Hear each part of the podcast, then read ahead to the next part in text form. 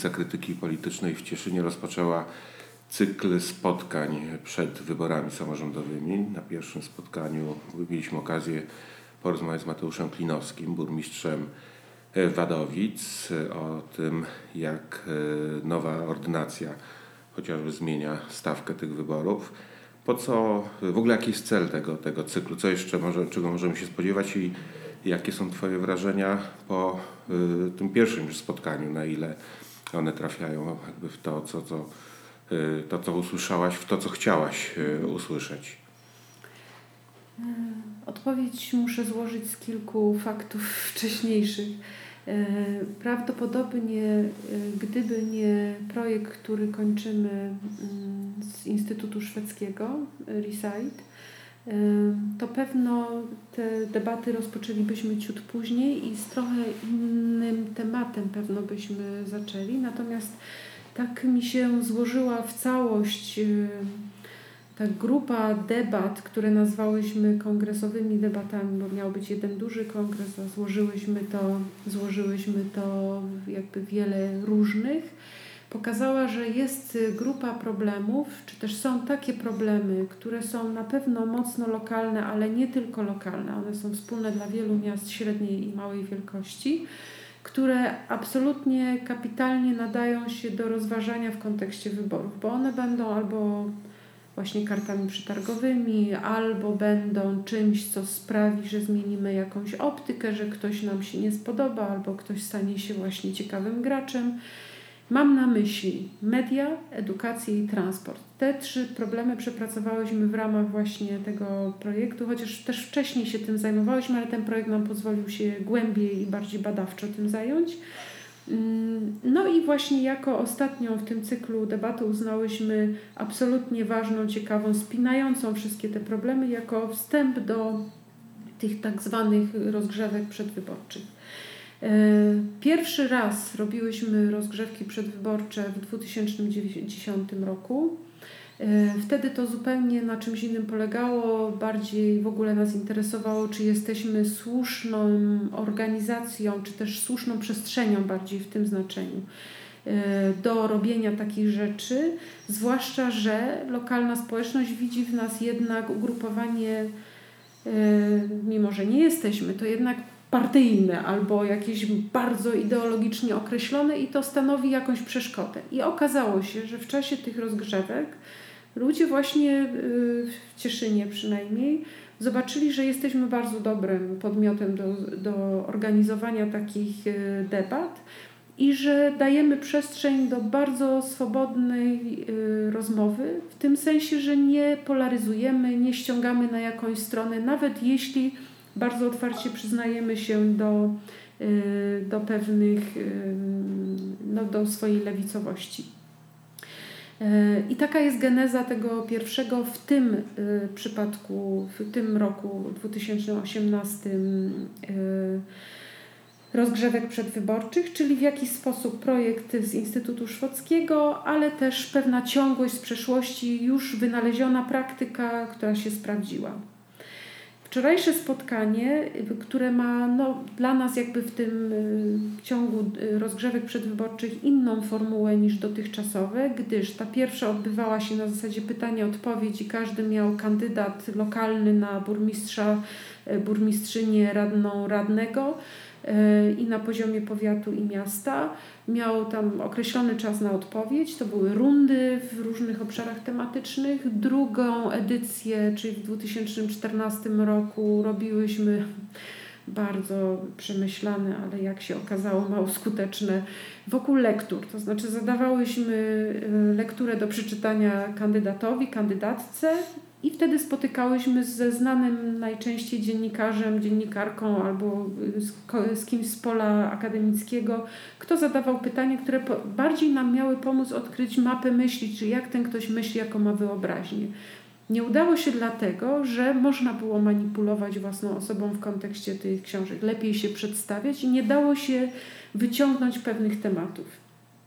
E, w tym roku pomyślałyśmy, że najpierw konieczna jest, po tych latach stwierdzamy, że pracy naszej lokalnej że absolutnie priorytetem jest wprowadzenie jasno pewnych pojęć, że ludzie używają pewnych sformułowań i nie do końca chyba wiedzą, co się za tym kryje. Używamy jak takich wytrychów, jak słowa, nie wiem, uwielbiamy postmodernizm, globalizację, postprawdę i wszyscy będziemy używać, a nie do końca wiemy, co się za tym kryje. Więc bardzo nam zależało na tym, żeby mm, tych pierwszych parę miesięcy poświęcić na wprowadzanie pojęć, oczyszczanie z różnych naleciałości pewnych sfer pojęciowych i tak dalej. Dlatego wczoraj pierwsza debata tak mocno była skoncentrowana na nowej ordynacji wyborczej, co ona znaczy dla dla nas, dla miasta małej czy średniej wielkości, co z tego wynika, jak również polityczność, czym jest, jak konkretnie w takim codziennym zastosowaniu, co ona może znaczyć, e, co to jest władza, co to jest samorząd.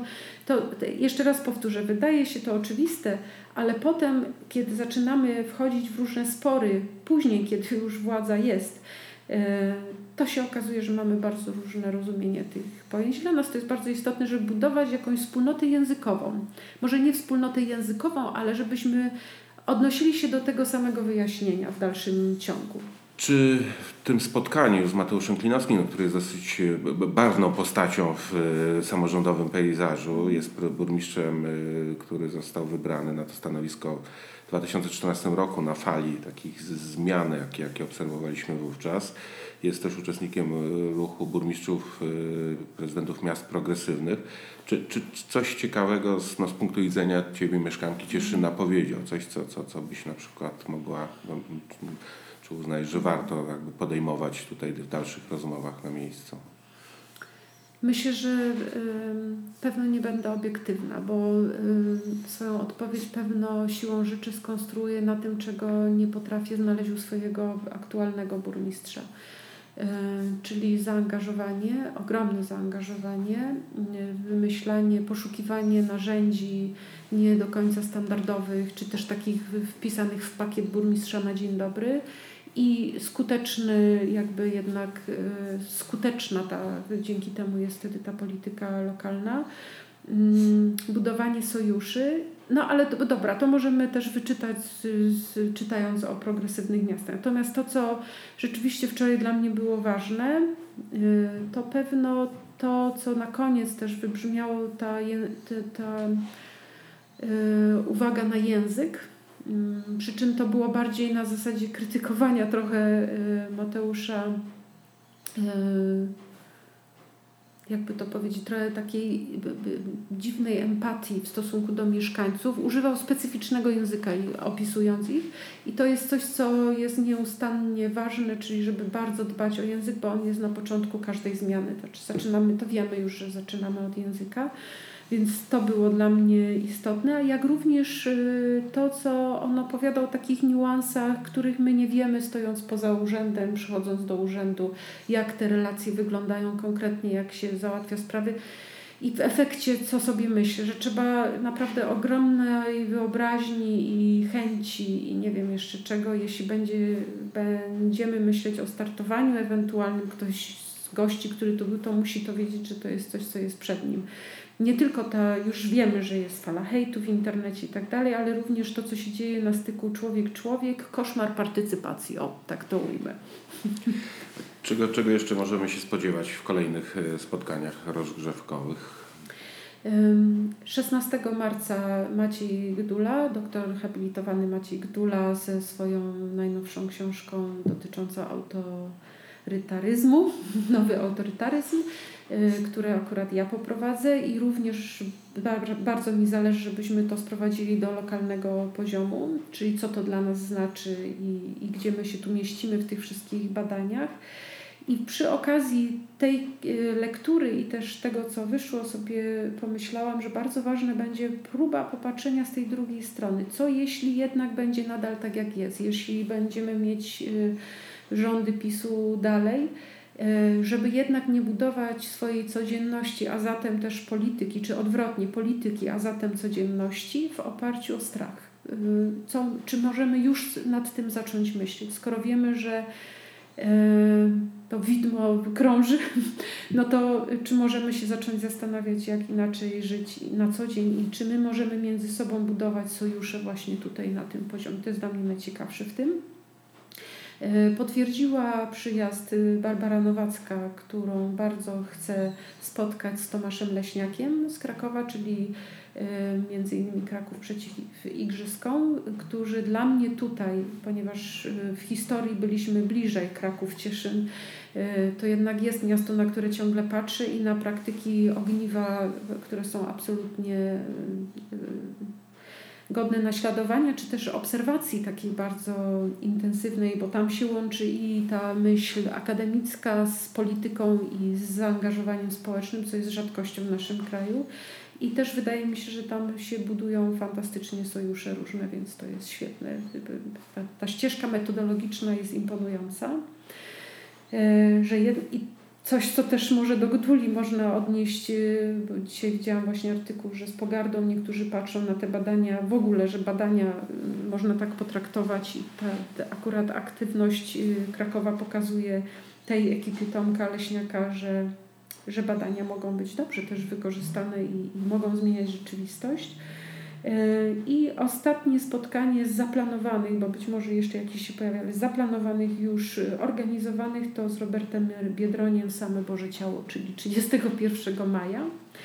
I od czerwca planujemy regularne spotkanie z kandydatami lokalnymi na burmistrzynię, burmistrza oraz radnych, radne, z różnymi osobami, które się zgodzą, między innymi Bogna Świątkowska zgodziła się poprowadzić jedno z tych spotkań, które będą y, budowane wokół pewnych najważniejszych problemów lokalnych. No właśnie, gdybyśmy teraz do Cieszynia już y, przeszli, jakie, no, co jest, jak, jak można to miasto przedstawić? Znaczy, jak, jakie są jego właśnie problemy, co będzie stawką tych wyborów? Najtrudniejsze pytanie, jakie mogłam dostać. Gdybym wiedziała, to może bym startowała.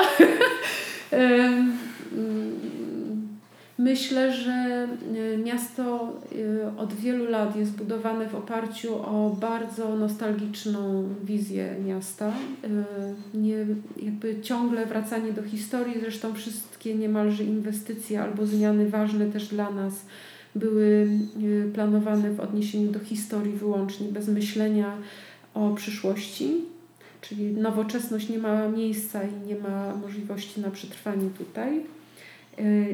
Czy inaczej rzecz ujmując, wyzwanie, jakie stoi przed kandydującymi, więc też przed naszymi debatami, e, a zatem w ogóle przed Cieszynem, to jest jak odnaleźć się w tej współczesnej rzeczywistości, w której już nie jesteśmy w stanie zrezygnować z, i z technologii, i ze zmian klimatycznych, i z nowej polityki, która potrzebuje myślenia nie hierarchicznego, tylko sieciowego, więc te rzeczy są przed nami, a zatem odejście od myślenia o mieście jako pakiecie turystycznym albo, nie wiem, no, wspaniały Cieszyn, kochamy Cieszyn, ale musi to być przestrzeń do życia przede wszystkim.